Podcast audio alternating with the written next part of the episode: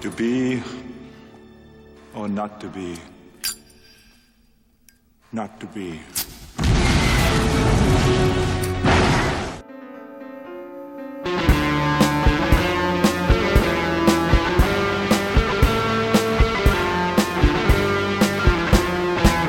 Hej och välkomna till Demonpodden. Podden där vi nu för tiden talar om två olika varianter av en och samma historia. Och sist talade vi om Shakespeare och den skotska pjäsen. Och vi var inte helt beredda att lämna Shakespeare bakom oss. Så vi tog eh, den här veckan och tittade på två filmer som ju inte direkt handlar om Shakespeare och kanske inte direkt har liksom, är, men de använder i alla fall hans material på ett ganska intressant sätt. För vi har sett de två versionerna av To be or not to be, eller Att vara eller inte vara, eller i ett av fallen Det våras för Hamlet. eh, både Ernst Lubitsch version från 1942 och det som jag fel, felaktigt sa var Mel Brooks version från 1983. Men det är ju faktiskt inte Mel Brooks som står som regissör på den här filmen insåg jag medan jag tittade på den. Eh, det är faktiskt det inte är det. en person som jag aldrig någonsin har talas om. Men som verkar typ ha varit mer eller mindre eh, spökregissör för Mel Brooks. För hans enda andra eh, regi- regikredit är den ökända Solar Babies. Och annars är det mest att han har gjort kostymer och grejer till de resten av Mel Brooks-filmerna. Han är ju Alan Johnson som han heter. Han är ju alltså mannen som gav oss Springtime for Hitler. Och då menar vi alltså inte Det våras för Hitler, filmen, The Producers på engelska, utan vi menar just själva musikalnumret inom den filmen. Alltså själva pjäsen eh, Det våras för Hitler som sätts upp i filmen Det våras för Hitler. Så om ni drömmer er tillbaka och ser liksom amerikanska skådespelare som dansar i hakkorsform så har ni sett en film av Alan Johnson. Så det här är väl hans stora egna regiinsats. Men alla tänker på den som en Mel Brooks-film. Och Mm. det är ju i mångt och mycket en Mel Brooks-film. Så vi, vi, Ja. vi, vi, det är inte fel att kalla den en Mel Brooks-film även om det inte är han som faktiskt står för regin. Så Nej. får vi gissa att han som producent och alltihopa har haft ett finger med i spelet lite varstans där. Ja, jag ska bara säga också innan jag helt glömmer bort det. Att jag heter Kalle Färm och med mig som alltid har jag Björn Waller. Ja, Och Olof Ekström. Yes. Ja, men som sagt. Den här eh, historien är till att börja med en klassisk, får man ändå lov att säga, 1942-film av Ernst Lubitsch som ju var den tidens största regissör av romantiska komedier eller olika typer av komedier. Jag vet inte, den här faller väl nätt och jämnt in i genren romantisk komedi. Eh, det finns lite romans och det finns en hel del komedi. Eh, men, men den är ändå, den sticker ut lite i hans övre, om man så vill. Och eh, jag vet inte riktigt hur vi ska gripa an det här. Det är så spännande både för att eh, det är ju en av de här filmerna gjorda under det tidiga 40-talet som bokstavligt talat behandlar kriget medan det i allra högsta grad pågår. Något som väl känns som att det kanske kickstartade med Chaplin och, eh, och eh, The Great Dictator. Men sen ju verkligen var något återkommande.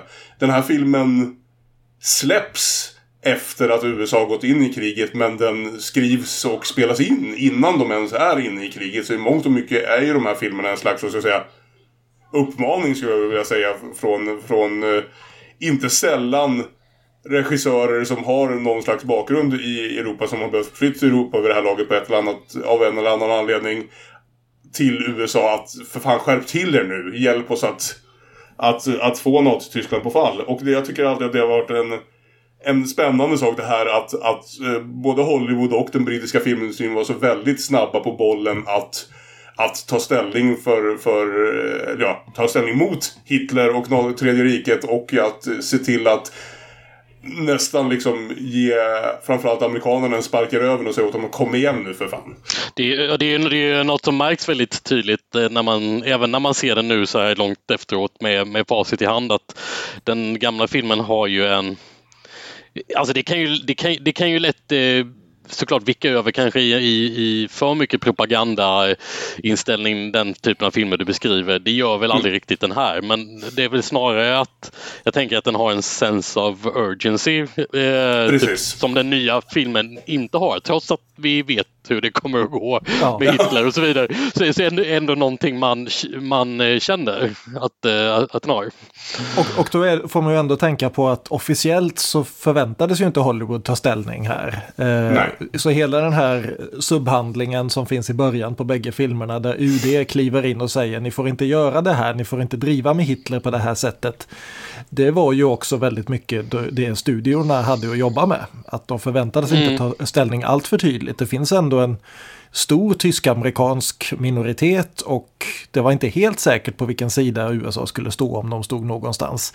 Nej. Eh, och då spelar det väl in till inte helt liten roll att regissören och manusförfattaren här, båda två var liksom exileuropeer, Ernst Lubitsch och nu ska jag se så att jag får namnet rätt här, Melchior Lengyel, som alltså var tysk respektive ungrare. Det är också ett antal tyska skådespelare i originalet som väl hade en del att säga om situationen i Europa vid tillfället. Och man får ju räkna med också då att det här är lite konstiga att den här filmen gjordes ju alltså innan USA gick in i kriget men släpptes efter att de hade gått in. Ja, precis. Japp. Eh, den släppes, släpps alltså tidigt 1942, bara några- kort tag efter Pearl Harbor. En månad efteråt ungefär. Så den, den kommer ju väldigt konstigt i tid där, att den är ett förkrigsverk släppt under kriget.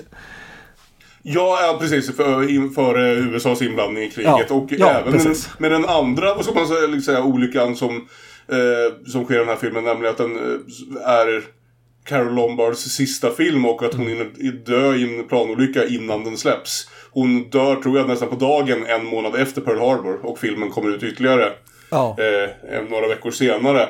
Så det var ju liksom, eh, ja precis, som du säger, en film som landade väldigt konstigt i tiden där och som var liksom, eh, som landade väldigt konstigt, det kan man ju lugnt säga att den gjorde. ja. Ja. De klippte tydligen en replik där hon säger någonting om eh, det här när, han, när den unge korpralen försöker flörta med henne genom att säga att han ska flyga upp henne i, i, i sitt bombarplan. Och hon säger något i stil med Flying in those planes is it really safe? Och den repliken flög fort som fan när hon Ja, väl faktiskt hade precis. omkommit i en planolycka. Ja, för det var det som hände. Jag satt precis och funderade på Ja. det. Ja. Ja.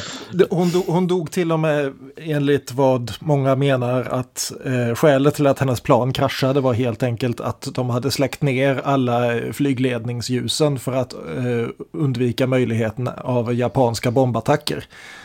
Så, så piloten flög vilse och flög rakt in i ett berg. Och det är andra gången på inte så länge som vi pratar om vad heter att en huvudskådespelare dog under vad heter andra världskriget. För det hände också han i Pygmalion, Leslie Howard i Pygmalion. Dog Japp. också i en flygkrasch typ första året av andra världskriget. Så ja, mycket konstiga teman. För att inte bara nämna det här att vi är tillbaka med nazister igen. Någonting som vi klagade en del på att vi behövde prata så jävla mycket om nazister under, under vad heter det, de kvinnliga regissörerna temat. ja, det kommer vi inte ifrån den här gången. Nej. Nej, det är svårt den här gången.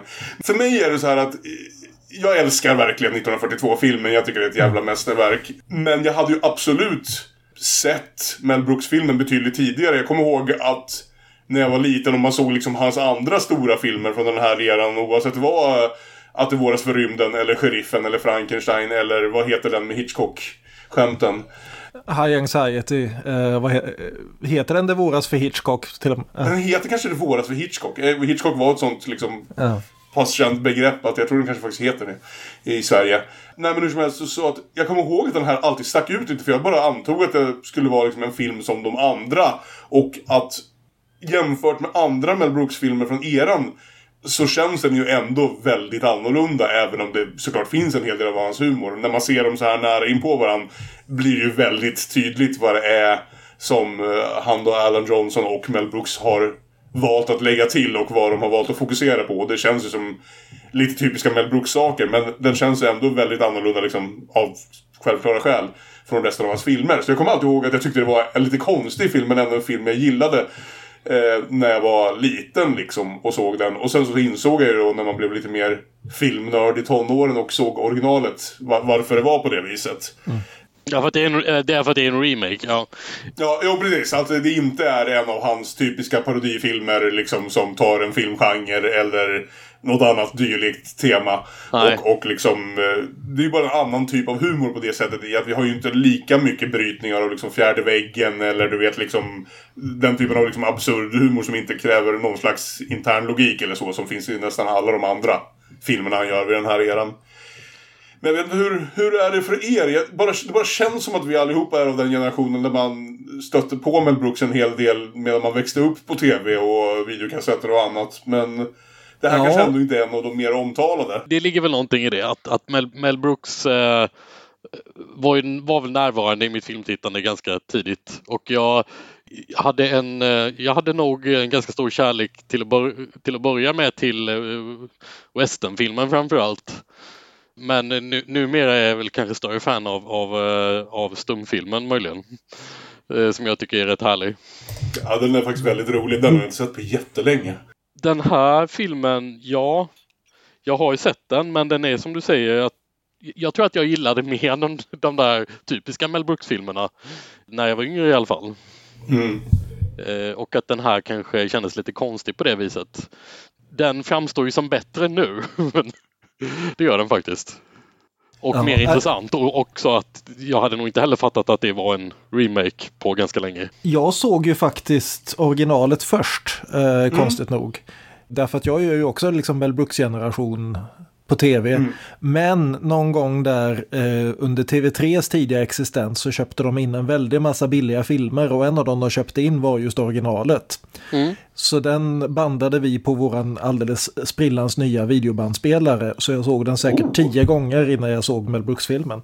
Jaha, häftigt. Så jag har alltid älskat originalet och det är en sån där film som jag återvänder till med jämna mellanrum. Mel Brooks-filmen har jag nog inte sett mer än en eller två gånger innan jag såg om den nu för en liten stund sedan. Eh, för det, den har aldrig slagit mig som en av mina favoriter. Eh, samtidigt så förstår jag ju liksom ju mer man har lärt sig om vem personen Mel Brooks är bortom den här liksom tokroliga typen som eh, drar fisskämt och så vidare. Att han kommer ju från absolut fattigdom och enda sättet han kunde ta sig fram i livet var A. vara rolig och B. ge sig in i armén. Och han var ju frivillig i armén redan som 17-åring och var ju faktiskt i Europa under 1944-45 som en del av ingenjörstrupperna. Så han har ju bokstavligt talat, det är liksom Would Mel Brooks punch a nazi? Han har bokstavligt talat skjutit på nazister. Ja. Det, han var ju frivillig för att rycka in och liksom ja, rädda sina, eh, sina släktingar helt enkelt. Han var ju Ja. mycket, liksom bland judarna var det ju inget snack om vilken, ställ, vilken sida man skulle stå på i kriget. Nej. För det var ju, även om man inte kände till mitt under kriget exakt hur illa det var så visste man ju att det var illa. Och det är ju någonting som jag förstår att han verkligen vill göra den här filmen. För Luberts film är ju, ska man säga att den är det här hemska ordet problematisk eller vad man ska säga, att de- den är, den är gjord utan att ha facit. Ja, så är det ju. Det är ju, tycker jag, en del av styrk, styrkan i den dock. Just att den blir en Ja, uppmaning absolut. snarare än en efterkonstruktion någonstans. Va? Det, Men, det är det, men samtidigt många av de här skämten och koncentrationsläge landar på ett annat sätt än de var tänkta att landa. Ja, absolut. Och den, ja, den är gjord utan facit. Det kan vara en, en av orsakerna till det. Men den kanske också inte vågar ta ut svängarna riktigt så som den nya gör när det gäller Nej. att, att tala om vad Hitler, vad var det mer specifikt Hitler gjorde? Ja. Ja, han ville utrota judarna, han ville utrota homosexuella och så var det med det. Frågan är om den gamla filmen hade vågat säga det så rakt ut. Ja, samtidigt som jag tycker ändå att den gamla filmen... Alltså, det, det, jag tycker den gamla filmen är ett jävla mästerverk. Alltså trots att man kan prata om sådana här saker. Va, som, men för, som den är gjord då. För jag tycker det är så otroligt hur den funkar både som en jätterolig komedi, en riktigt lyckad spännande spionthriller och sen framförallt med eh, Shylock-scenen på slutet lyckas Ja. bli alldeles rörande också. Ja, och absolut. jag tycker att Mel Brooks-filmen lyckas med komedibiten av det och sumpar de andra två delarna. Eh, jag, jag, jag skrattar en hel del åt Mel Brooks variant också. Eh, Ja. Ska jag säga. Så jag har skrattat ganska mycket den här helgen. Eh, men, men jag tycker det är något helt magiskt i hur Lubitsch får, igång, får ihop alla de tre bitarna. För det finns en lång sträcka där i mitten på filmen när visst, den är, den är fortfarande smårolig men den är nästan främst liksom en fungerande thriller samtidigt som den är något av en springa i dörrarna-fars liksom. Eh, och det är just det som är så spännande. Inte ens i mitten ju, för det är ju, det är ju nästan i början. Den börjar som Ja. komedi i ungefär 10 minuter och sen släpper den komedin i nästan en halvtimme. Ja. Innan den liksom tar upp komedin på ett helt fantastiskt sätt igen. Vi, vi kommer till det om en liten stund, men jag älskar liksom just hur stilmedvetet Lubitsch liksom talar om för publiken. Nu är vi färdiga med setupen, nu drar vi tillbaka till komedin här. Absolut. Eh, nu när ni vet vad liksom stakesen är här, vad insatsen är. Ja. Jag, jag tycker Mel Brooks, eller eh, nu ska vi kalla den Mel Brooks-filmen. Ja, ja det, är- det är lika bra. Den, den, den har svårare att få till tonen där. Att den, den vet inte riktigt när den ska vara dramatisk och när den ska vara komisk. Det är Nej. flera av de scenerna som är komiska i originalet som faller helt platt i remaken. Och samma med de dramatiska scenerna därför att Mel Brooks är, han är en okej komisk skådespelare. Det finns ett skäl till att han, sällan, han inte har huvudrollen i någon av sina riktigt allra bästa filmer han, han är en okej komisk skådis men han har inte den dramatiska tyngden som, och det här är en konstig mening, som Jack Benny har. Jack Benny är ju också i första hand en komiker men han klarar ändå av de här dramatiska bitarna. Och det tycker jag inte riktigt Mel Brooks gör. Nej, absolut. Men innan vi går längre, Björn, det låter som att om du framförallt har sett den gamla filmen. Jag har nog sett den tre eller fyra gånger, men det låter som du har sett den betydligt fler gånger än så. Är det kanske upp till dig att försöka sammanfatta den här historien lite kort? Eh, det kan vi göra och vi kör bägge två samtidigt för det är väldigt, väldigt små skillnader mellan dem. Vi befinner oss i Warszawa 1939. Tyskland har precis invaderat och på en liten teater så upptäcker man att det går inte att spela teater på samma sätt under den här ockupationen, vilket är till stor förtret för teaterns ledare Josef Tura respektive Fredrik, eh, Fredrik Bronsky, för han har olika namn i de här filmerna. Istället så dras de in i en stor handling runt det här med den polska motståndsrörelsen och med, med nazisterna som försöker stoppa den här motståndsrörelsen inklusive en polsk dubbelagent som har sålt ut hela den här eh, motståndsrörelsen till Gestapo. Och nu måste de här usla, framhäver vi, usla skådisarna rycka in och försöka spela bägge sidor. Bokstavligt talat spela bägge sidor för att försöka rädda den här situationen. And wackiness ensues. För det är skådespelare med väldigt stort hjärta. Det, det kan man lugnt säga. Jag tycker en, en av mina favoritrepliker i eh, originalfilmen är när den, den största överspelaren av dem alla har något utbrott och en av de judiska skådespelarna tittar på honom och säger What you are I wouldn't eat.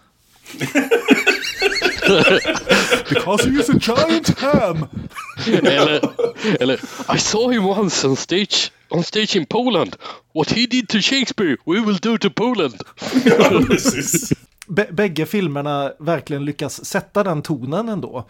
Även om jag tycker eh, originalet sätter den lite bättre. Just det här att det framgår väldigt tydligt att det här är skådespelare som med något enstaka undantag verkligen inte är speciellt bra.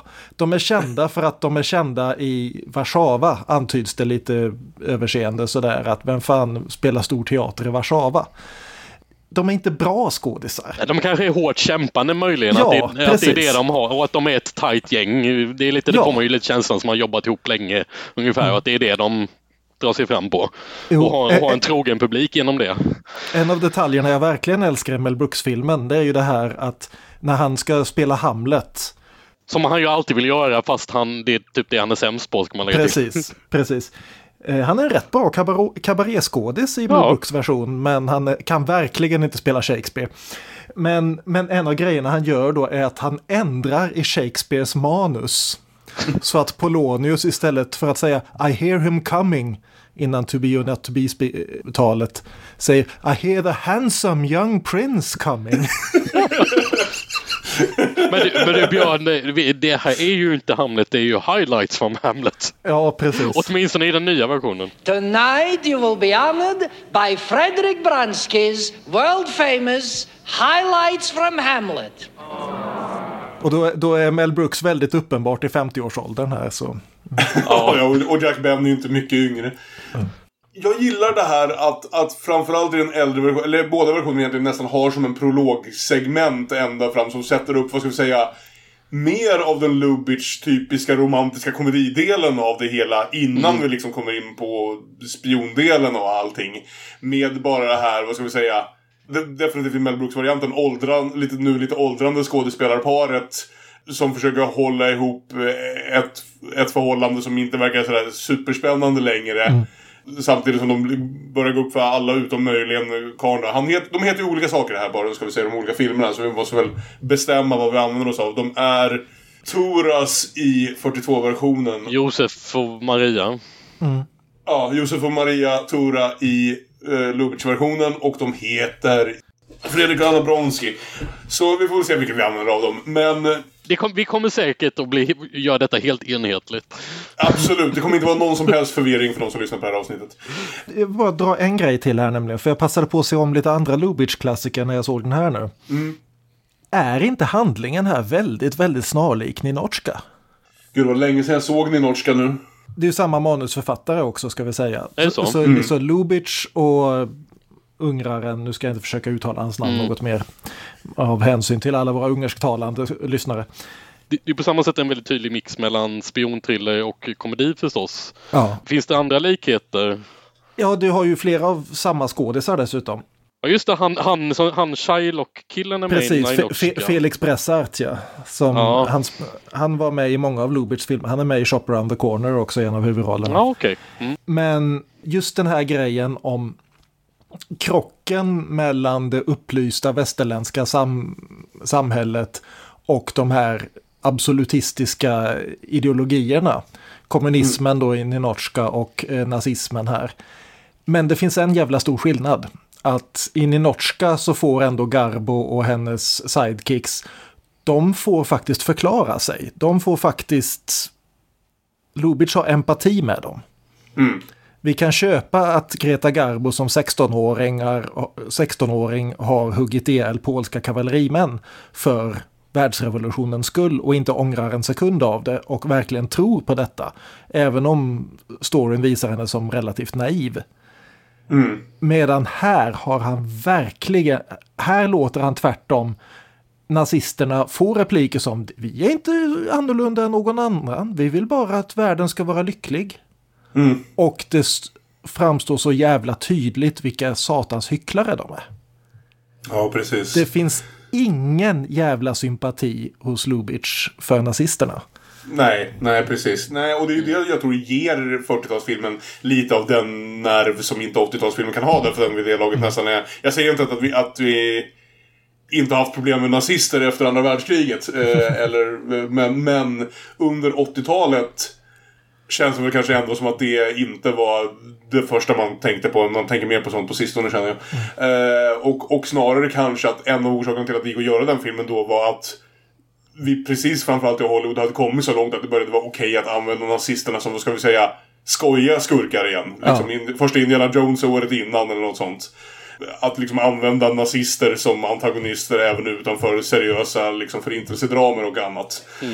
För som sagt, det som, som 80-talsfilmen verkligen saknar är ju någonstans just den här nerven, den här rena ilskan som man känner ligger bakom den. Över att se nu vad fan de gör mot oss va. Och det finns en del andra ändringar som sagt, jag tycker 40-talsfilmen är närmast perfekt just i det här att den, så- som det ska vara med spionthrillers, de ska vara lagom komplicerade. De ska vara så komplicerade att vi måste hänga med i svängarna, men de får inte bli så komplicerade att vi inte har en chans att hänga med i svängarna. Och jag tycker den gör i precis rätt tempo så det blir så. Eh, för att ha tid med lite fler, vad ska vi säga, snubbelskämt och musikalnummer så har ju 80-talsversionen förenklat det hela lite grann. Bland annat har den ju helt klippt bort den här, den här skådisen, alltså bokstavligt alltså skådisen i filmen som en del av teatersällskapet som är den som spelar Hitler. Vil- Vilket jag vet inte om det var ett bra val därför att Mel Brooks är verkligen inte lik Hitler. Nej, precis. Men de klipper helt bort den lilla skådisen vilket gör att vi inte längre får den här Tycker jag ganska roliga början som där, där vad heter berättarrösten bara ställer frågan Vad gör Hitler i, in, mitt inne i Warszawa? At the moment, life in Warsaw is going on as normally as ever. But suddenly something seems to have happened. Are those Poles seeing a ghost? Why does this car suddenly stop? Everybody seems to be staring in one direction. People seem to be frightened, even terrified, some flabbergasted. Can it be true? It must be true, no doubt. The man with the little mustache? Adolf Hitler. Adolf Hitler in Warsaw when the two countries are still at peace and all by himself? Eh, Det är väl nästan första segmentet som liksom visar oss hur, hur den här skådespelaren ska försöka bevisa för sina kollegor att han är så pass lik Hitler genom att gå ut på stan och se folks uppståndelse. Ja, vilket ju blir som en föregångare för resten av filmen. Som, Jag, jag tycker det här händer flera, flera gånger i, alltså, och sen flera gånger lyckat i Lubitsch och sen plockas bort i Mel Brooks. Nämligen att de sätter, eh, liksom, verkligen, de gör det setup eh, på vissa skämt så tidigt och Ja, så väldigt snyggt. Så att den sen kommer tillbaka 90 minuter senare. Framförallt kanske då Hitler-skämtet. ja. Ja, men, men, men även Shylock-monologen. Men Ja. också Shylock-monologen, det jag tänkte säga. Och det finns ett par andra exempel på det. Concentration Camp är och har varit inte alls lika roligt i 80-talet för de säger inte hälften så många gånger. Jag älskar också, och det säger mycket om filmerna, just det här öppningsscenerna. Eh, att 42-versionen börjar som en journalrulle. Den börjar som en nyhetsrapport om att Hitler skådad i Warszawa i augusti 1939 innan kriget. Och sen är det först liksom näst, nästan tio minuter in i filmen när vi är mitt på Gestapo-högkvarteret och plötsligt så ropar regissören Men vad i helvete håller ni på med? När eh, då Hitler-skådespelaren släpper ut sig ett Heil myself. Just det! Först där upptäcker vi att det här är en pjäs inne i filmen. Precis. Heil Hitler! Heil Hitler! Hitler! Heil myself. That's not in the script. Fram till dess så har vi inte varit säkra på är det här riktigt, är det här liksom en komedi, vad är detta? Medan tvärtom då Mel Brooks-filmen börjar med ett musikalnummer för att verkligen signalera att det här är en komedi. Sweet Georgie Brown. Przez ciebie będę sweet Georgie Brown. Precis. Och det, och det händer flera gånger i Lubitsch-filmen mot Mel Brooks-filmen att flera gånger, som sagt lite liksom spionthriller-aktigt, eh, försätter Lubitsch-filmen oss i en scen där vi inte riktigt vet vad det är som pågår och så får vi upptäcka det allt eftersom scenen gör. När de återigen sen använder sin, sin alla, all rekvisitan från sin nazistpjäs för att låtsas vara nazistkontoret och så. Då kan man ha märkt det såklart från ledtrådar och annat i Lubitsch-filmen. Men i Mel Brooks-filmen finns det en stor scen där de säger Och nu ska vi försöka få det här att se ut som nazistkontoret och du kan spela den nazisten och så vidare. Och liksom medan man i Lubitsch-filmen verkligen får vänta och säga och, i- det, liksom, man måste hänga med för att inse vad det är som händer här just nu. Och det händer flera gånger. Det finns inte, vi ser aldrig, vad heter han, den unge Fänrikarn eller vad han är. Eh, Vi ser honom aldrig komma tillbaka och söka upp eh, Maria Tura i 40-talsversionen. Utan vi får inse att det redan har hänt. Ja. När, när han hittar honom i lägenheten. Men det är en typisk sån sak som 80-talsfilmer känner att den måste göra tydligare så den har mer tid för humor. Så man inte riskerar att förvirra folk. Eftersom tonen är så annorlunda. Litar den inte lika mycket på tittaren, Mel Brooks-filmen? Eller?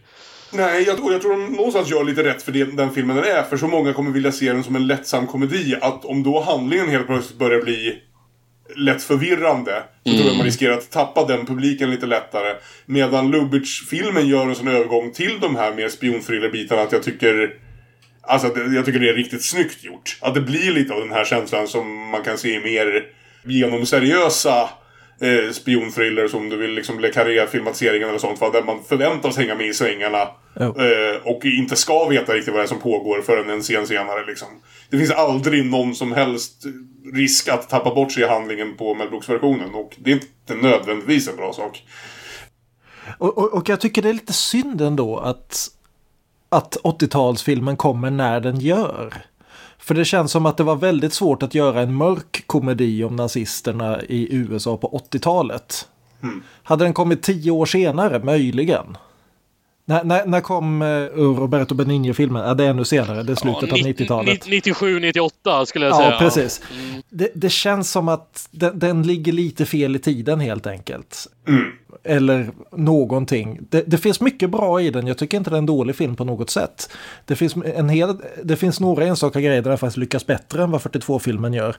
Men det, det känns som att just tonen är svår att sätta. Det är nästan som, känner jag ibland, att de inte ens försöker göra den mer allvarliga biten. Det kan inte vara en lika arg film Nej. för kriget har varit slut i 40 år. Ja. Eh, så då, då liksom tappar den lite av sitt syfte. Jag har svårt att se att man faktiskt, alltså det kan säkert finnas någon som känner så, men jag har lite svårt att se att man faktiskt skulle tycka att, att få lite förhöjd puls och tycka att 80-talsversionen någonsin är riktigt spännande. Eh, medan jag faktiskt tycker det om 40-talsversionen, att den även får in de bitarna. Att det blir lite den här desperata känslan av åh nej, vad ska de hitta på nu? Ska det här lyckas?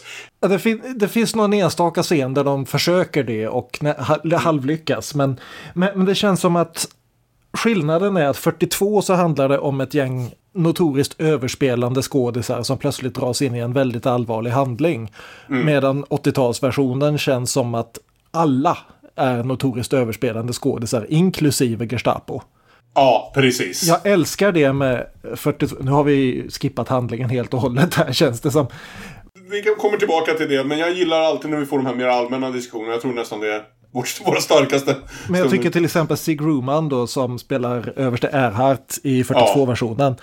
Han är liksom en av dem som hela den här filmen cirkulerar runt fast han fast inte all- alls är med så mycket som man tycker att man minns att han var med. Han har ett halvdussin scener och de är rätt korta. Men just det här att han framställs väldigt tydligt som en idiot, som en människa som verkligen inte vet vad han håller på med, men som också är fullkomligt jävla livsfarlig. Ja. Man, älskar... man Alltså, får aldrig känslan av att det här är en tokrolig farbror som bara råkar ha en Gestapo-uniform på sig. Utan Nej. det är verkligen den här känslan att han är en människa som glatt kan avrätta någon utan att ens blinka. Och Ja. att det är precis det som vår kära Jack Benny då på något vis måste försöka lura. För jag tror inte ens vi har kommit in så, nära på det, men som sagt, det här paret spelas av Mel Brooks och Anne- Anne Bancroft i den nyare versionen och av Jack Benny och eh, Carol Lombard i, i den äldre versionen. Och det är faktiskt eh, den enda filmen som Mel Brooks och Anne Bancroft gjorde mot varandra. Det är kanske så. Ja. Och, och dess, dessutom om man håller riktigt noga uppsikt mot slutet där när alla de här judiska familjerna ska räddas också. Så finns det en liten pojke där spelad av överste zombiemästaren själv, Max Brooks. Ja, Så det, så det är hela familjen Brooks på scen tillsammans. ja det är trevligt faktiskt. Ja, nej, för jag tycker att just på karaktär, sidokaraktärer som Erhardt, där, där det verkligen märks den här skillnaden i tonen. För jag gillar Charles Durnings insats i 80-talsfilmen. Men han är ju en ren clown. Det är ett väldigt, väldigt ro, det är en väldigt, väldigt rolig insats. Men som sagt, det finns ingen, eh, ingen känsla av hot. Och även, även Christopher Lloyd då som Schultz som är den mest rätvinkliga skådespelarinsats jag någonsin har sett. Han- böjer verkligen inte kroppen alls. Nej. Han är levande vinkelhake. Alltså båda de här filmerna för sina eror är ju proppfyllda av såna här härliga birollskådisar som man, ja men typiska sådana här, ja vänta vad heter han nu då? Eh, men man känner igen dem från x antal filmer här liksom. Den unga piloten som, som ju som sagt då försöker flörta med, med skådespelarens fru, eller hon är ju skådespelare hon med.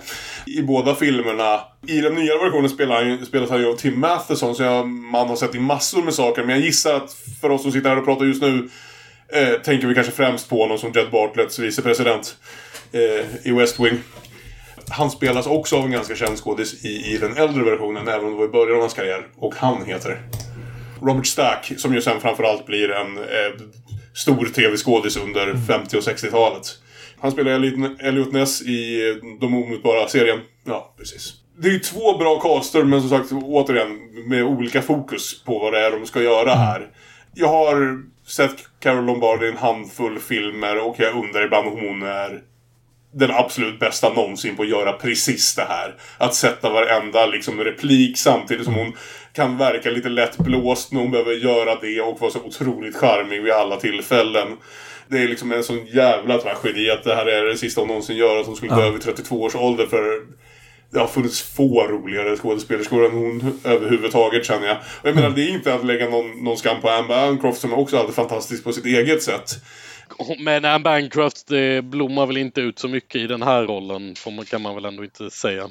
Problemet i båda de här är ju att det, det är ju en intressant film i det här att eh, vad ska jag säga, den kvinnliga huvudrollen har väldigt mycket scener i första halvan och sen så tar den manliga skådespelaren över fokus Det är förstås sant, ja. i andra halvan. Men jag känner att man kanske märker det ännu lite mer i 80-talsversionen. Ja, att, att, att Carol Lombard får skina lite mer i, när hon väl är med så att, så att eh, inte den saken märks riktigt lika tydligt.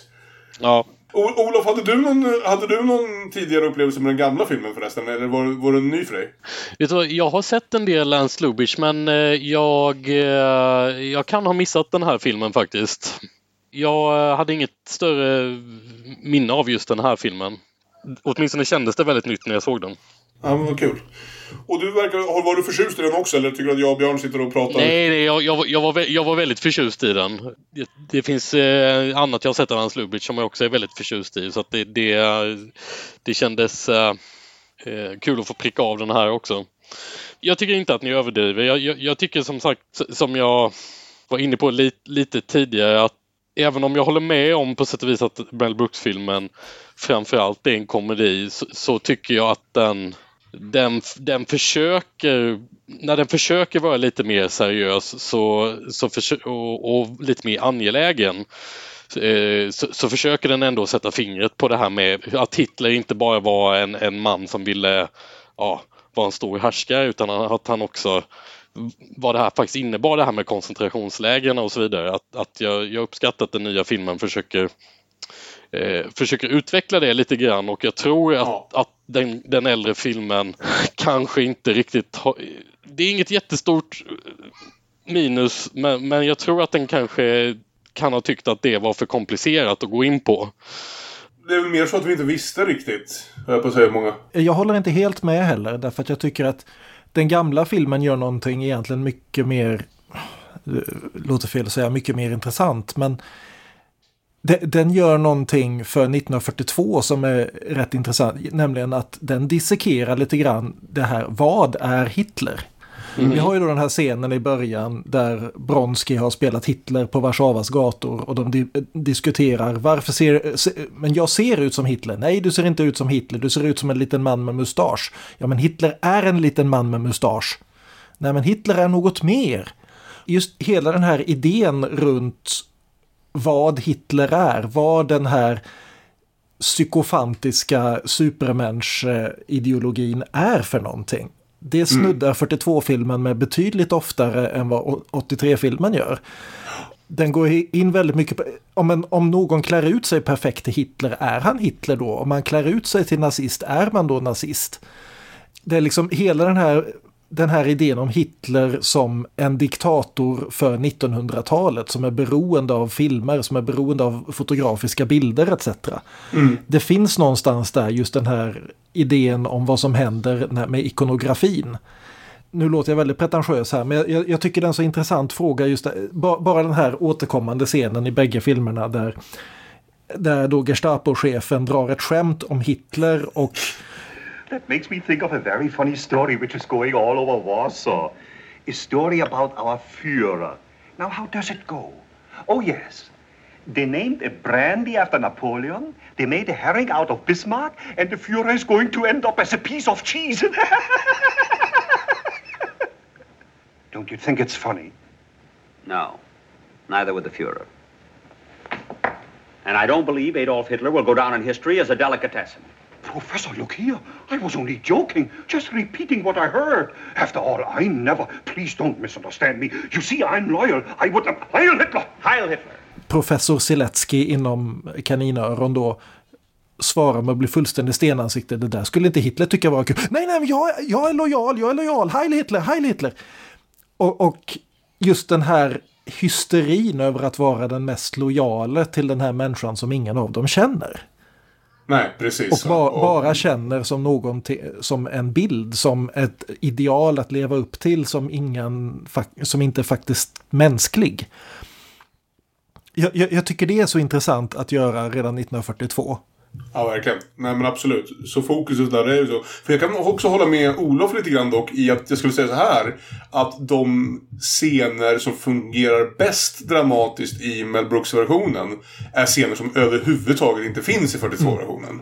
Som är de här nyskrivna bitarna jo. eh, och om, om, vad heter det, Ja, eh, framförallt finns det ju en hel stor karaktär i Mel Brooks-varianten som helt enkelt inte finns i 40-talsvarianten som är en väldigt tydligt kodad som homosexuell, vad heter det, vad säger man, upppassare till Anne Bancrofts eh, skådespelerska. Påklädare. Ja. Påklädare, ja.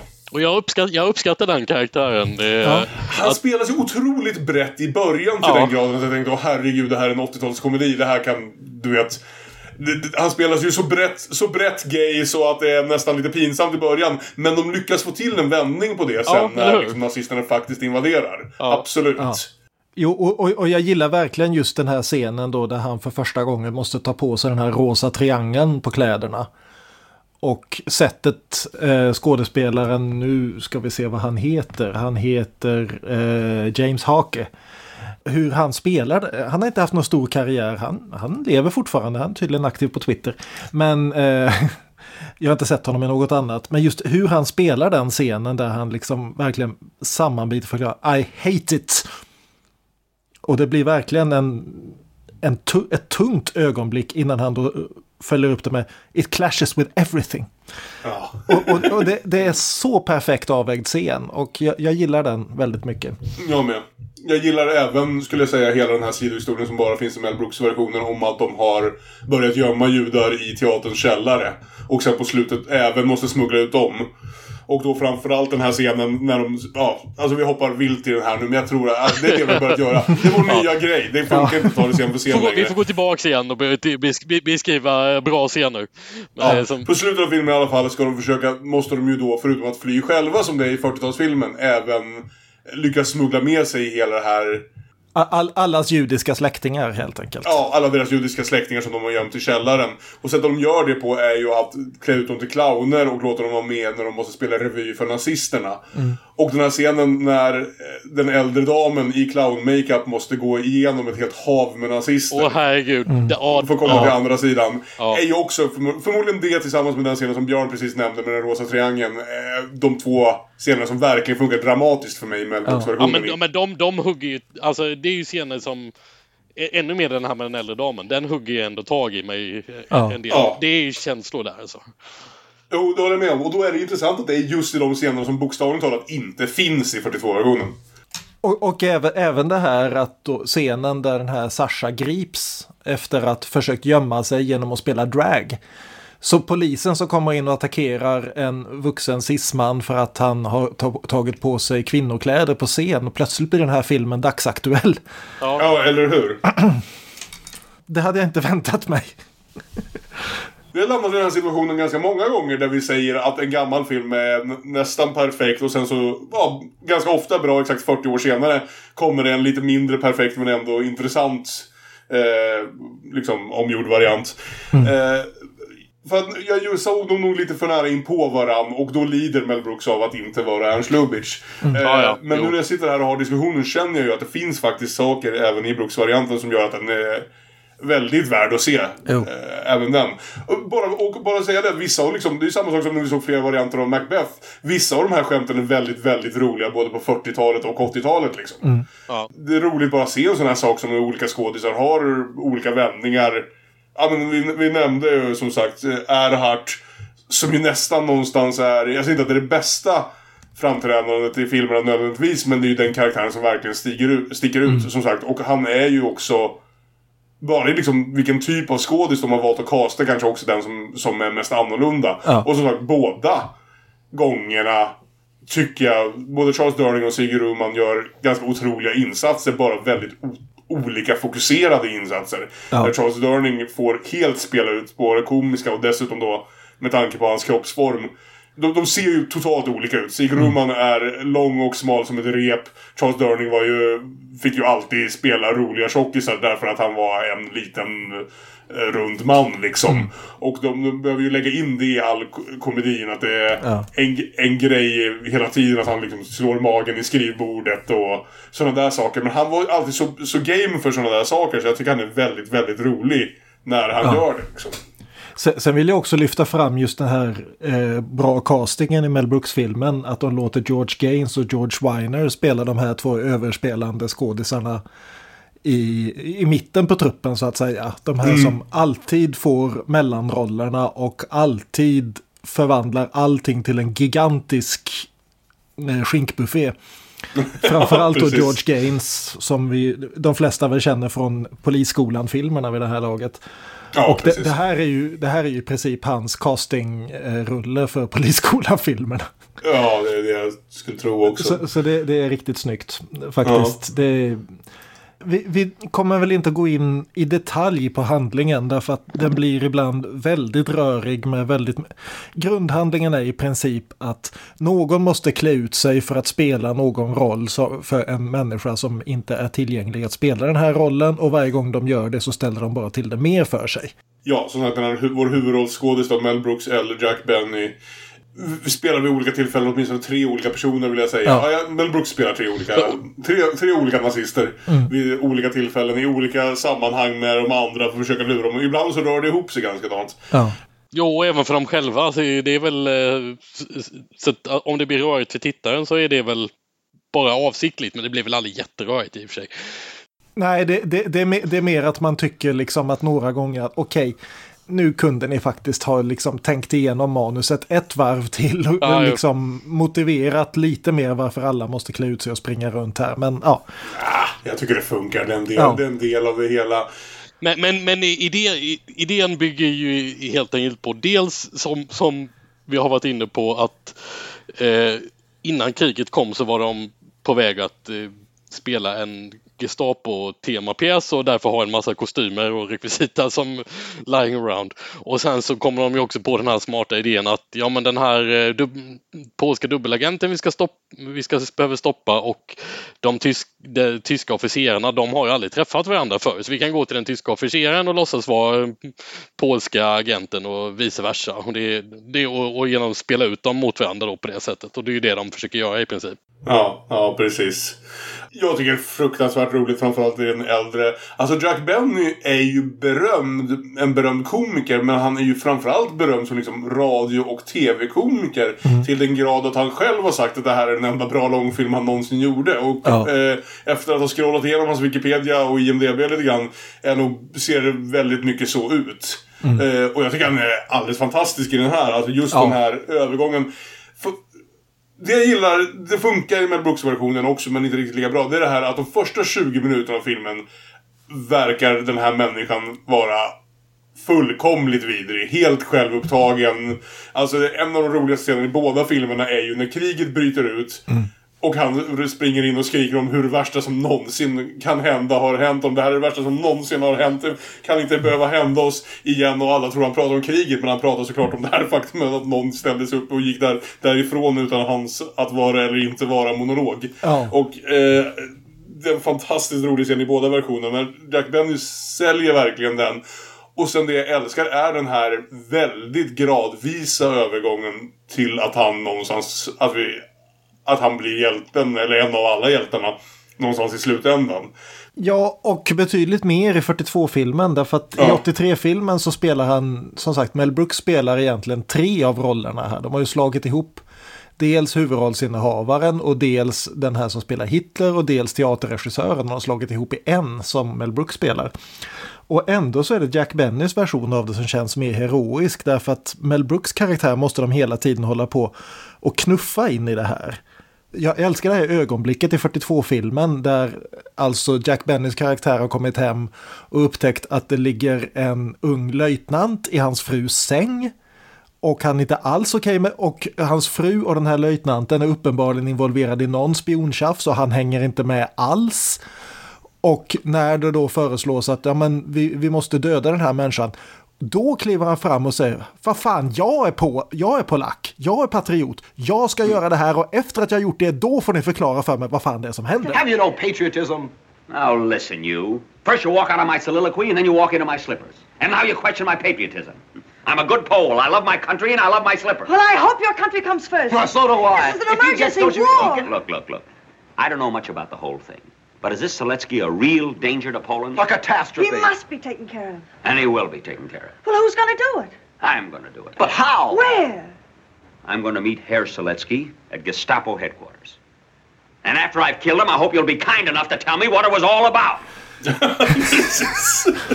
så, så det är liksom hela, det, det, finns ändå en ryggrad i honom där. Som, inte, som jag inte riktigt tycker Mad Brooks har.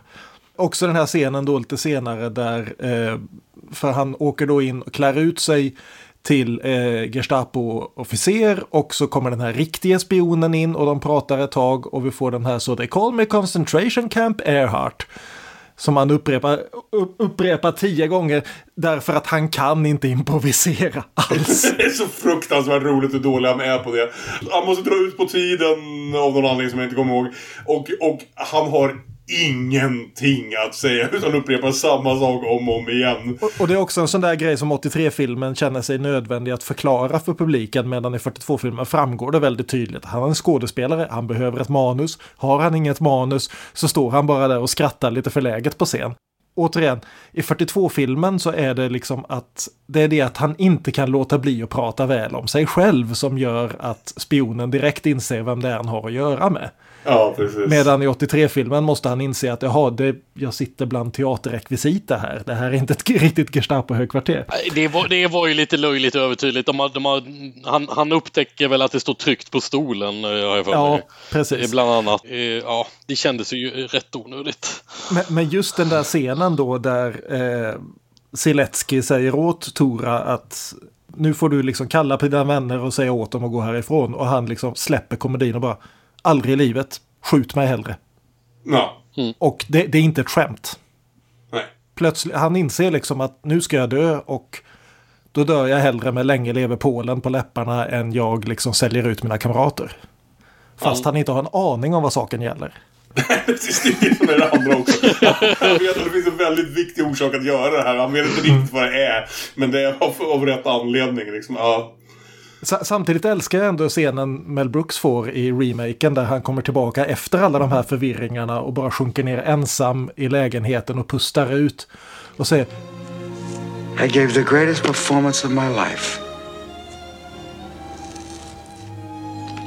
And nobody saw it. Det händer ju också, återigen, det är en sån här sak som filmen inte riktigt trycker på. Men sen så får han ju ett ögonblick när han är absolut briljant på att improvisera. Och det är ju när han konfronteras han ut, nu är han utklädd till, till Zelensky, men han konfronteras med Zelenskys lik och kommer på Ja. den här planen att han har ett extra låtsasskägg, så han rakar av skägget på den döda kroppen, sätter dit låtsasskägget. Och sen, eh, alltså jag tycker det är genuint en asspännande scen. Ja. Eh, Hur Jack Benny framförallt spe, spelar det mot, mot Sig Ruman när han försöker övertyga dem.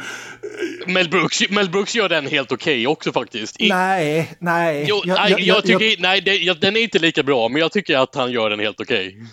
Jag, jag tycker Ja. den är för stressad i remaken. De, de Ja. går igenom den som att det är en komedibit. Ja, Ja, och, jo, det kanske är det. Den kanske inte blir lika, den blir inte lika spännande. Nej, det är sant. Nej. Nej.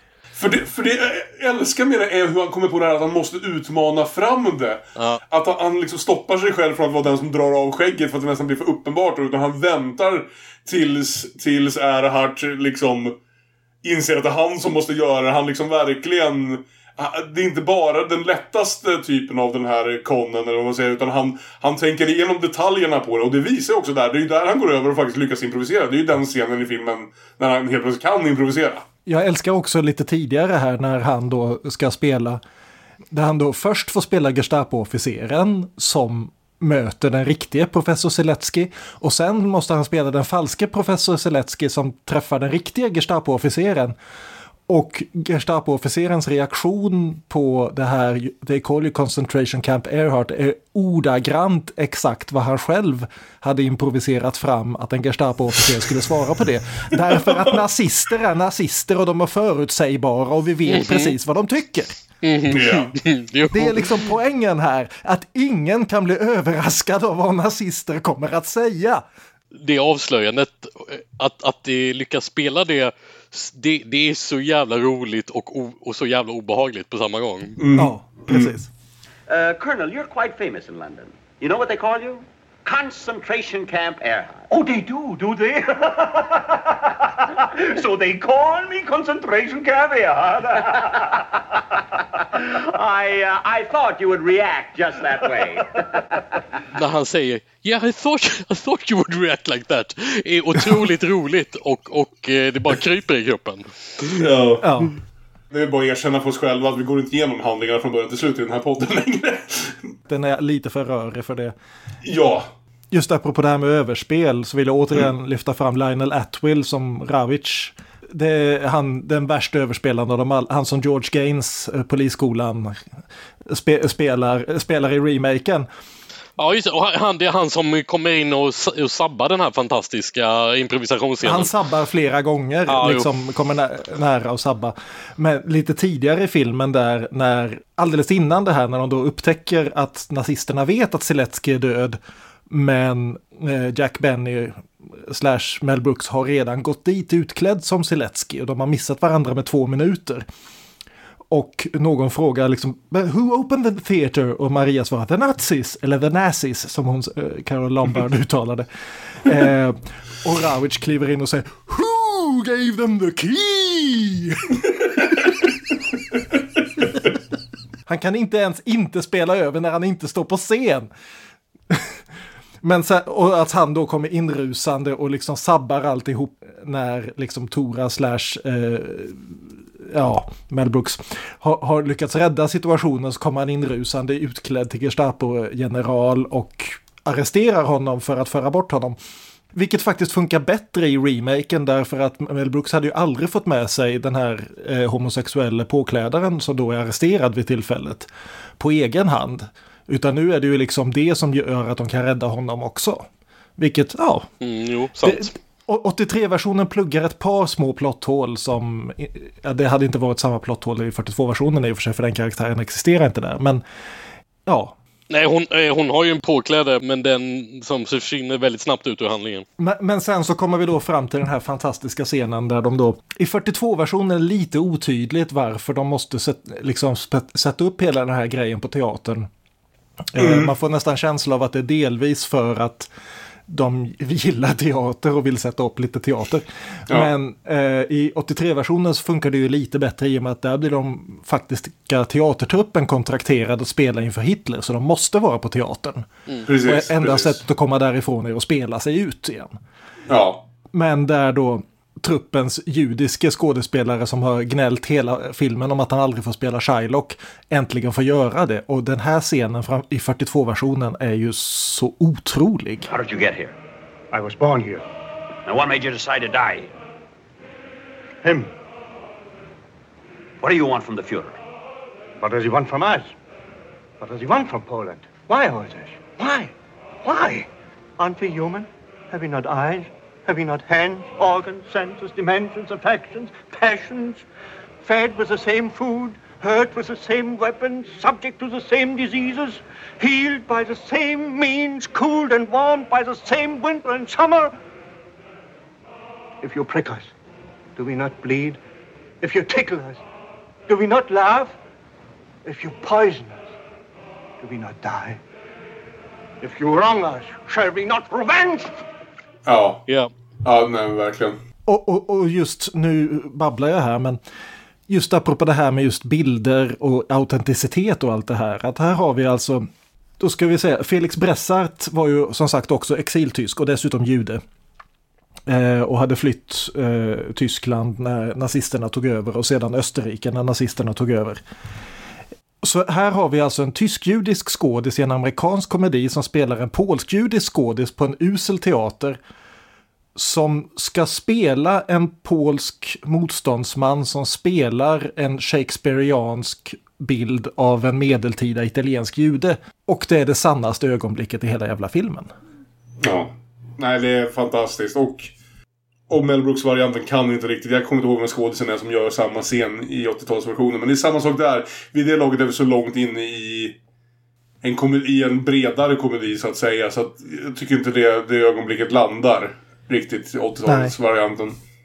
Nej, och framför, framförallt så eh, övertrumfas det ju av det som vi redan har nämnt med, med eh, den här äldre kvinnan som Ja.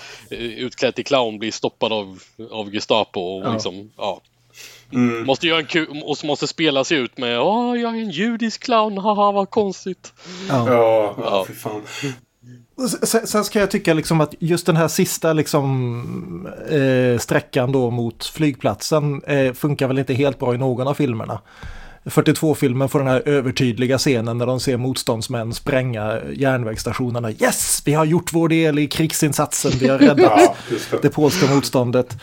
83-versionen får en inte helt lyckad actionscen där. Nej, det förvandlas till, det förvandlas till någon slags Indiana Jones-film där, på- där på. Därför vill jag fast ändå lyfta fram en grej. Som sagt, 42-versionen, då har du flera stycken faktiska eh, flyktingar från nazisterna.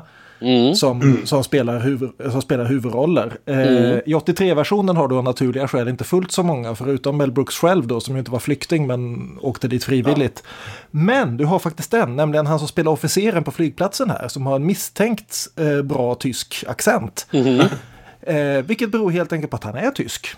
Det är Kurt Lowens, eh, född Kurt Löwenstein, som alltså var tysk jude och faktiskt jobbade för tyska eh, motståndsrörelsen under slutet av kriget med att fixa ut judar. Så här har du en faktisk hjälte på scenen som får, eh, får i liksom sann exiltysk Hollywood-anda spela en nazist för att han vill framställa nazister som skurkar.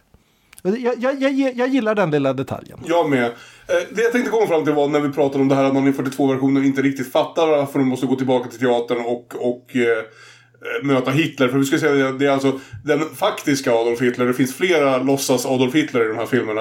Eh, men den faktiska Adolf Hitler ska komma och eh, ja, titta på teatern. Och en stund där känns det ju som att de är på väg mot något slags liksom eh, proto-Inglourious Basterds. Ja, eh, att de, att de ska försöka mörda, Hit- mörda Hitler, ja. Eller så. Det är ju nästan samma, samma scen på många sätt. Där man undrar om planen verkligen ska vara att, att ta livet Ja. av Hitler innan han sitter i teater, liksom på teaterbalkongen där. Men det, det verkar Eh, aldrig ha föresvävat dem. Nej men det, det här är ju en av eh, Tarantinos favoritfilmer så det var ju därifrån han fick det. Ja, men jag förstår nästan det. Därför att det känns ett tag som att det är dit i alla fall 40... Just eftersom 42-versionen gör väldigt mycket det här att den inte överförklarar precis vad det är som händer utan låter oss upptäcka det själva. Trodde jag nästan i två sekunder. Alltså jag visste ju att det här inte var en film där de dödar Hitler på slutet för jag har sett den förut. Men jag kommer inte riktigt ihåg om det var så att det kanske ändå var planen för en stund där ett tag. Och det känns nästan när de håller på där och liksom gömmer sig i badrummen och eh, ska göra en, vad heter det, alltså att, att de ska manövrera ut han juden att spela Shylock för att liksom dra till sig uppmärksamheten så de kan klä ut eh, Mel Brooks eller ja, vad han nu heter i, i 40-talsversionen till, till eh, Hitler. Att, att det ska vara det som är som är det slutgiltiga målet så att säga. Va? I Mel Brooks-versionen vet vi att det inte är det för vi vet att målet är att få ut judarna som är gömda i Ja. källaren. Eh, men eftersom det är lite mer tvetydigt Mm. precis vad det är de håller på med i 40-talsvarianten blir det nästan ett ytterligare spänningsmoment. Ja. Det är bara konstigt att det aldrig ens nämns eh, som en möjlighet. Eller något som, för de är ju ganska nära. De är bokstavligt talat en, en dörr bort ifrån eh, Hitler. De hade ju kanske kunnat göra det. De lurar ju iväg Hitlers livvakt. Ja. så i, i, Ja. Eftersom det är en del av planen att de själva ska kunna fly. Och målet är ju egentligen bara att snå åt sig Hitlers privatplan och sticka Ja. till England. Ja. ja, så är det. Precis. Och, och jag älskar den scenen i 42-versionen när de faktiskt lyckas komma ombord på planet. Och det lustiga är liksom att i, eh, i 83-versionen finns det summa som om en tysk officer som verkar ha mer än två hjärnceller. Och det är just Kurt Löwenstein där på eh, flygplatsen. Eh, medan alla andra är clowner. Medan i filmen där de nazisterna faktiskt är farliga så är det ingen som någonsin ens ifrågasätter. Vä- Vänta, Hitler ser inte riktigt lik Hitler ut.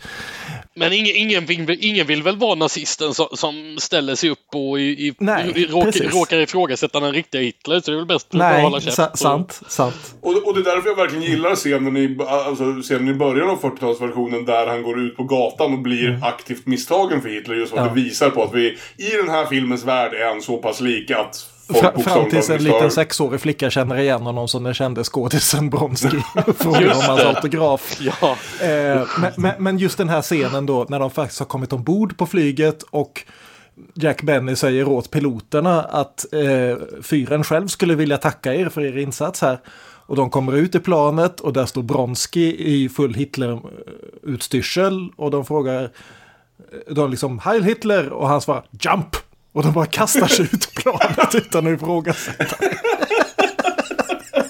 utan, utan fallskärm ska sägas. Ja, ja, snack, snacka kadaverdisciplin liksom. Det är bara Heil Hitler och hopp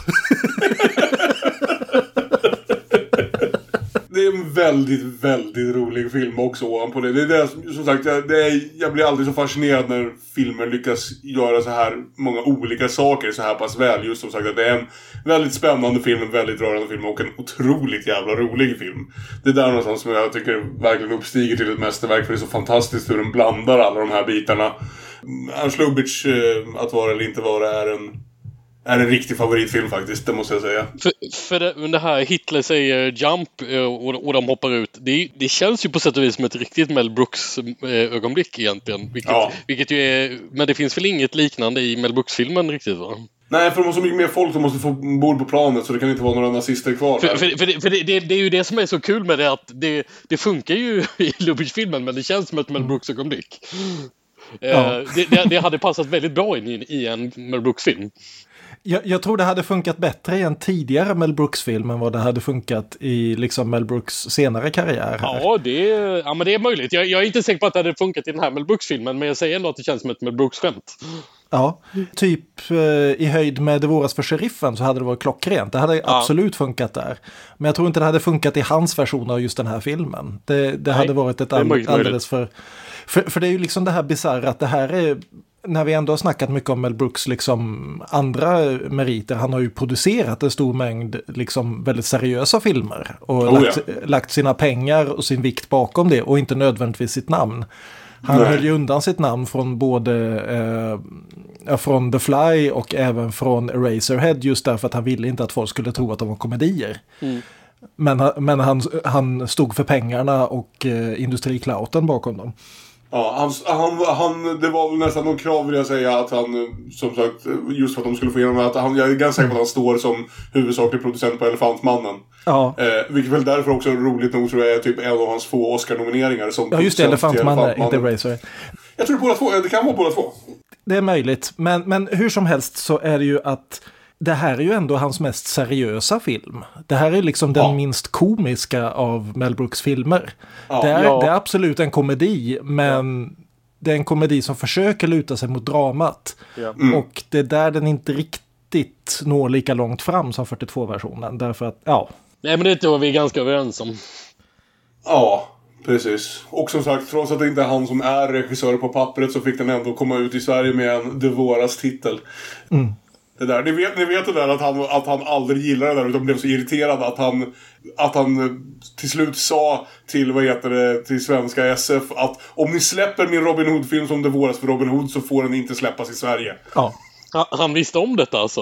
Ja, ja, oh ja, och blev frågad, och han lackade ur på det. Han, han tyckte att han, hade, han, han lägger ner en stor del av sitt arbete på att hitta rätt på att hitta rätt titlar på sina filmer så att vi i Sverige inte brydde oss alls. De kallar dem saker som Det våras för Hamlet och Det våras Det är för väldigt, det är väldigt slött och jag antar att det från början är någon anspelning på Springtime for Hitler då. Ja, precis. Det är ju precis i en film som heter Producenterna egentligen. Ja. Och det var ju så det började. Ja. Producenterna släpptes i Sverige som Producenterna. Ja. Ingen gick och såg den. De släppte om den två månader senare, något som Det våras för Hitler och blev en succé. Jaha. Och det var så det började. Och då, vill, och då vill man bygga vidare på den titeln för att, för att, Ja. för, för att liksom förklara att det här är samma sak som den andra filmen som ni gillade. Det har ju, det har ju eh, svenska titelskrivare gjort några gånger. Ja, det är ju Goldie Hawn och tjejen som... Ja. eh, liksom så fort hon ska vara med i en film i 20 års tid där liksom. Ja. Ja, även fast de, flera av dem är väldigt, väldigt annorlunda filmer från varandra så att säga. De känns inte som en filmserie på det sättet. Nej. Eh, det får man väl ändå säga att ganska många av de här Mel Brooks-filmerna i alla fall känns, med undantag för den här, känns som att de ändå, man märker att de kommer från samma person någonstans och har liknande ton i mycket av humorn. Ja, har vi någonting mer här? Eh, Eh, när då Mel Brooks och Anne Bancroft har blivit utkastade ur sin fina lägenhet eh, och tvingas flytta in hos Sasha och sova på hans soffa. Eh, så får vi då veta eh, exakt vilken gata hans lägenhet ligger på. Nu ska jag bara se för nu ska jag leta upp det här. Just det. Och då flyttar de alltså in i hans lilla lägenhet på Kubelski Street. Eh, varför heter den Kubelski Street? Därför att det är ju Jack Bennys faktiska namn. Han heter ju Kubelski i efternamn. så är det. Så, så jag, jag, tycker det, jag tycker det är en fin liten passning av Mel Brooks där. Mm. Ja. Absolut. Såg du några fler intressanta Lubitsch-filmer när jag ändå höll på? För jag har ett par liksom, favoriter av, av Karl, men jag är inte någon kompletist på något sätt. Jag har inte sett allt han någonsin har gjort, även om det inte är... Ja, om, man, om man räknar in stumfilmerna har han gjort väldigt, väldigt mycket filmer. Men om man tänker på amerikansk, amerikanska uh, talfilmer så är det ändå bara ett dussintal vill jag säga, eller något sånt där. Jag, jag har sett några stycken, men de jag hann se om nu, det var ju då Ninotchka och uh, The Shop Around the Corner. Ja, just det. Eh, som båda två väldigt bra filmer, framförallt Shop Around the Corner som är en sån här helt fantastisk liten romantisk, en vuxen romantisk komedi dessutom för att vara liksom amerikanskt 40-tal. Mm. Det känns som det här är människor som inte är oskulder och det här är människor som har ett liv utöver allting annat. Precis. Det är, liksom, det är en arbetarklasskomedi där det råkar finnas sexuell spänning som är uttydligt sexuell dessutom. Men Ja. eh, som ändå liksom känns så lätt och så, så liksom man blir glad av att se den fast det är mycket jobbigt i den. Mm. Det är en fantastisk liten film faktiskt. Ja. Den jag vill pausa på och rekommendera där då kanske. Och vi ska säga att det här är inte Gissa den tredje. Det bara blev att när vi ändå var inne på Lubitsch. Mm. För jag tror att många, framförallt känner jag här i Sverige, kanske har ganska god koll på Mel Brooks-filmer tror jag fortfarande. Mm. I alla fall om man är en sån som lyssnar på en sån här podd. Eh, men Ernst Lubitsch kanske ändå inte är lika känd. Jag älskar hans eh, Trouble in Paradise från 1932 som är en sån här Mm. lurendrejarkomedi. Eh, men också, som det du säger om bara, vad ska vi säga, de sexuella undertonerna även i saker som Shop around the corner. Är ju en pre-code-film, vilket betyder att den, den kan ta ut de svängarna ytterligare lite mer. Och den är liksom sexig och roligt, rolig på riktigt. Och eh, också just har en tidigt exempel och lite mer fokuserat på just det där, vad ska vi kalla det, the con artist eh, genre. Som ju är lite av det som han definitivt spelar med i, i eh, Att vara och inte vara också. Han var väldigt duktig på just liksom de där tonerna och att faktiskt liksom kunna bygga lite spänning och, vad ska vi säga, rätt mängd av förvirring i sådana här historier som ska vara lite, lite luriga av sig. Eh, Så det är nog min favorit utöver den här skulle jag säga. Även om eh, jag, nu var det länge sedan jag såg vare sig i norska eller, eller Shop around the corner. Men jag tycker väldigt bra om dem också, vill jag minnas. Olof, har du några andra favoriter? Jag tänker att du kanske kommer dragandes med en av stumfilmerna här nu. Det här. Nej, det, det känns som en regissör som skulle vara kul att fördjupa sig lite mer. Jag vet inte hur lätt Mm. hans stumfilmer är att få tag på, men, men jag, har, jag har inte jättebra koll på dem faktiskt. Nå- några av dem finns på YouTube. Ja, det kanske jag är lite sugen på. Mm. kanske man skulle ägna lite tid åt. Men eh, Ninotchka har jag sett flera gånger och är, och är väldigt, väldigt förtjust i. Det, det, var ett, det var ett tag sedan nu så jag minns inte riktigt handlingen och sådär. Men jag, men jag minns eh, jag minns att jag gillar Garbo väldigt mycket den. Jag, och, att jag, gill- och även den här som jag aldrig kommer ihåg vad han heter. har redan glömt nu igen. Men den här Shylock-skådespelaren. Felix Bressart. Ja, Felix Bressart. Visst är väl även han som spelar, vad heter det, vad heter Concentration Camp Erman är också i den vill jag säga. Sigurd Uman. Ja. Ja men då så. Lite kortare avsnitt denna gång. Men ska vi faktiskt gå vidare efter bara allmänna Ernst rekommendationer och eh, leka den lilla leken som vi kallar för Gissa den tredje. Gissa den tredje. Hitler är väl, är väl en, en inte oansenlig del av or, originalsketchen här, är det inte så? Ja, just det. På Gissa den tredje, ja. Det har du rätt i. Och nu raskt över till denna veckas tävling där soffan ser ut enligt följande. Hitler, Jesus och... Ja, just det. Gissa den tredje. Har du någon film som du vill rekommendera till de som gillar eh, i alla fall någon av de här versionerna av att vara eller inte vara? Jag, jag, jag tog fasta på um, eh, Shakespeare-aspekten. Som, en, som en, en liten del av en film eh, som egentligen handlar om något helt annat. Eh, men, men också en film om på något sätt teaterns makt och möjlighet att sudda ut gränserna mellan eh, föreställningen och verkligheten. Så fastnade jag i The King is Alive från år 2000. Oh, vänta nu, Dogma! Dogma ja.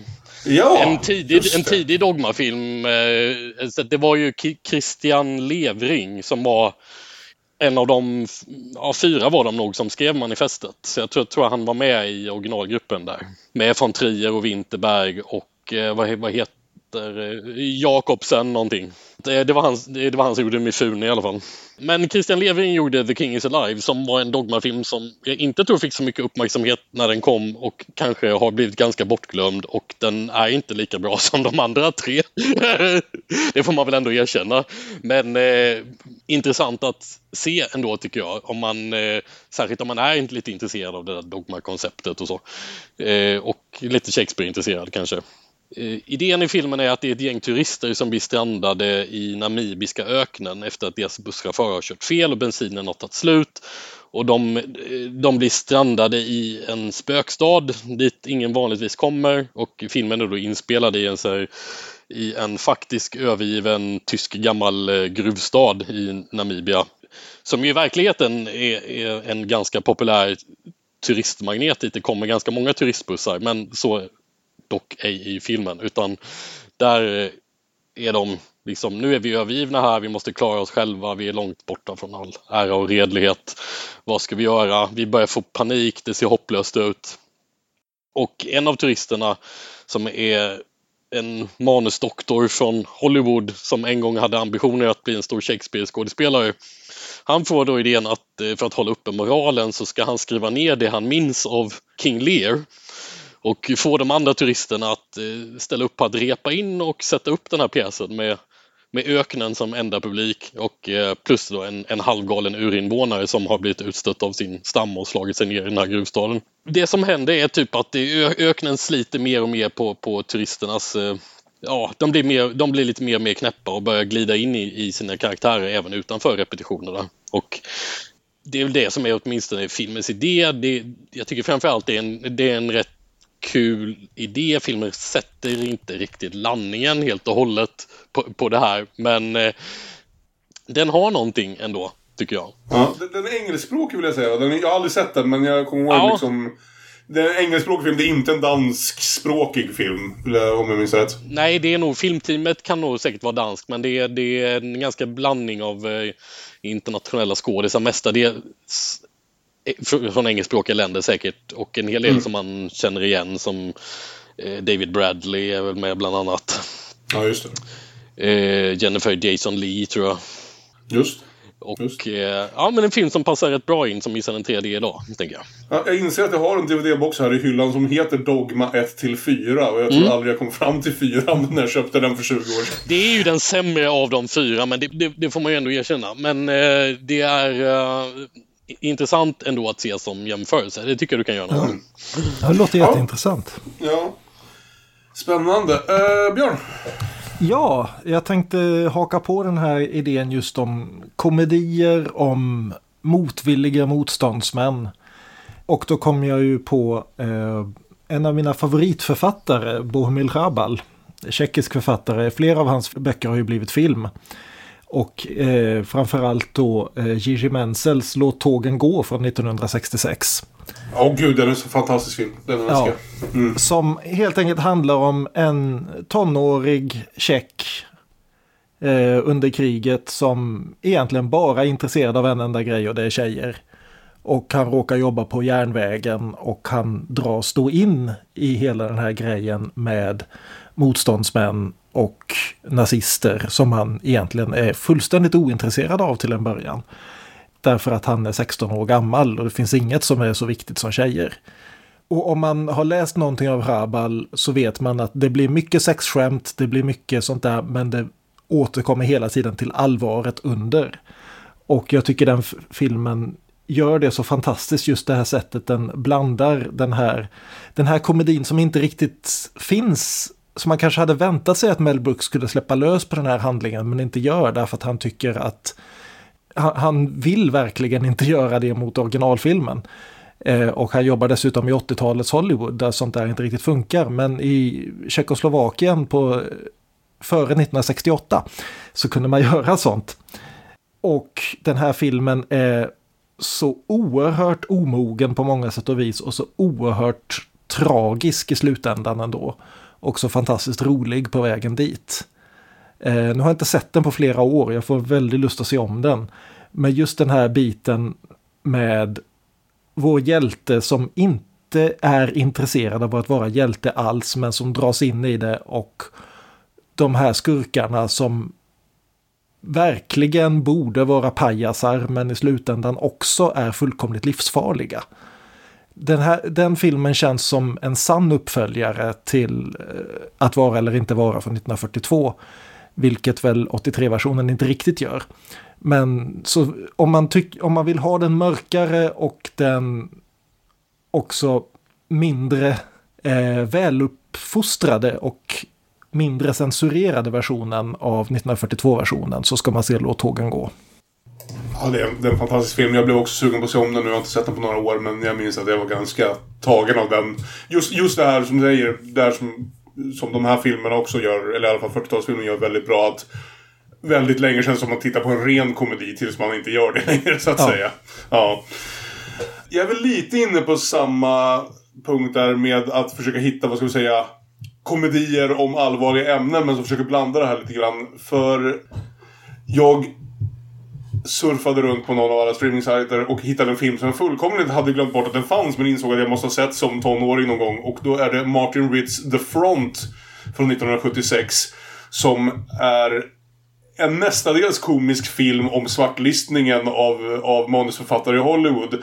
Där Woody Allen och ja, ja, alla brasklappar. Vi dåliga saker om honom. Eh, likväl, Woody Allen spelar en ganska korkad, eller ganska vanlig snubbe som blir kontrakterad av svartlistade Hollywoodförfattare för att helt enkelt sälja deras manus åt dem och ta 10%. Eh, sådär, för att de inte längre får arbeta. Och det är också en film som jag tycker har lite den här tonen. Den är inte lika lyckad, men den är väldigt intressant i hur den gör komedi av i vad som i grund och botten är ganska tragiska saker. Och den stora insatsen här, jag tycker jag måste säga det, det är en av få gånger som Woody Allen skådespelar i huvudroller i en film som han inte har skrivit eller regisserat. Och jag tycker han är bra, framförallt för att det är intressant att se Woody Allen i en roll där han bryr sig om något större än sig själv och sitt eget och sina egna relationer. Utan han faktiskt någonstans spelar en person som börjar bry sig om den här eh, behandlingen av, av människor på, på ett bredare plan. Och eh, skulle nog kunna gå så långt som att säga att sista scenen här är Woody Allens bästa skådespelarögonblick. Men utöver det så är den framförallt värd att se för Zero Mostel i vad jag vill säga är filmens enda Oscar-nominering som en absolut tragisk skådespelare i en av de här tv-serierna som, som är den som eh, ja, börjar, börjar vittna och börjar nämna namn för kommittén och sen försöker efter det leva med sig själv. Något som visar sig vara svårare än vad man kanske hade hoppats på. Och eh, Zero Mostel i den rollen är otroligt till en början rolig och sen långsamt mer och mer hjärtkrossande. Och det är framförallt honom som jag tycker den filmen är, är riktigt värd att se. Inte en helt lyckad film, men en väldigt, väldigt intressant film som har samma blandning som ungefär det vi har pratat om här ikväll. Den, den, har- den har jag missat helt. Det låter lite bekant eh, ty tycker jag. Ni orkar titta på Woody Allen nu för tiden och jag har full förståelse för de som inte orkar det. Så tycker jag ändå att den kan vara värd att titta på. Nästa gång ska vi grotta ner oss i riktigt härligt nördiga när Rickard Söderlund återvänder från bland annat vårt avsnitt om Teenage Mutant Ninja Turtles förra sommaren och tar med sig Niklas Andersson, en ny gäst i denna podd, för att tala om Dungeons and Dragons och vi får lära oss bland annat varför det inte alls är samma sak som drakar och demoner. Vi tar avstamp i de två biofilmer som gjorts baserat på spelsystemet Dungeons and Dragons.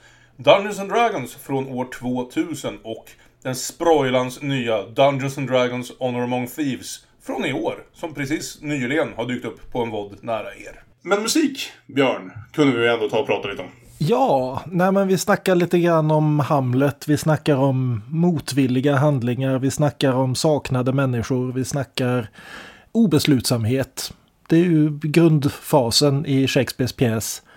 Även om som någon har konstaterat, det är väl ändå ett ganska gott betyg åt Hamlets mänsklighet att hans första reaktion på att hans styvfar har slagit ihjäl hans far inte är jag ska mörda honom. Någonstans så vill vi kanske inte alla mörda människor om vi inte är nazister. Men Hamlet-tema och obeslutsamhet-tema så vi ska försöka oss på att göra en mashup av The Bands Ophelia och The Clash Should I Stay or Should I Go.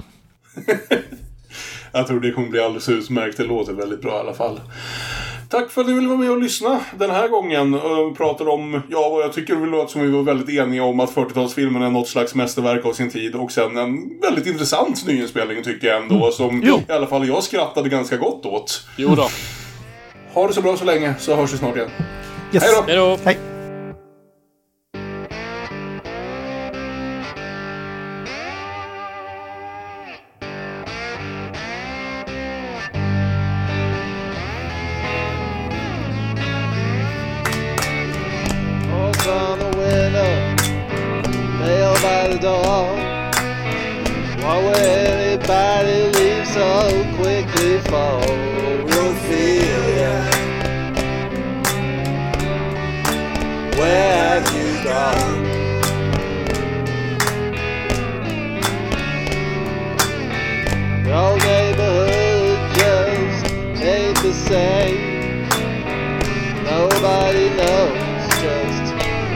What became of Ophelia. Tell me what went wrong.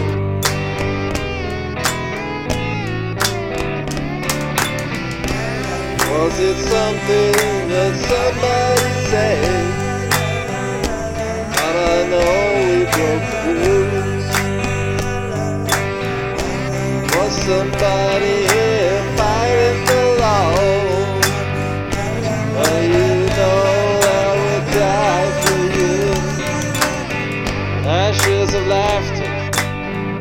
ghost is clear. Why do the best things always disappear like Ophelia? He's darkened my door.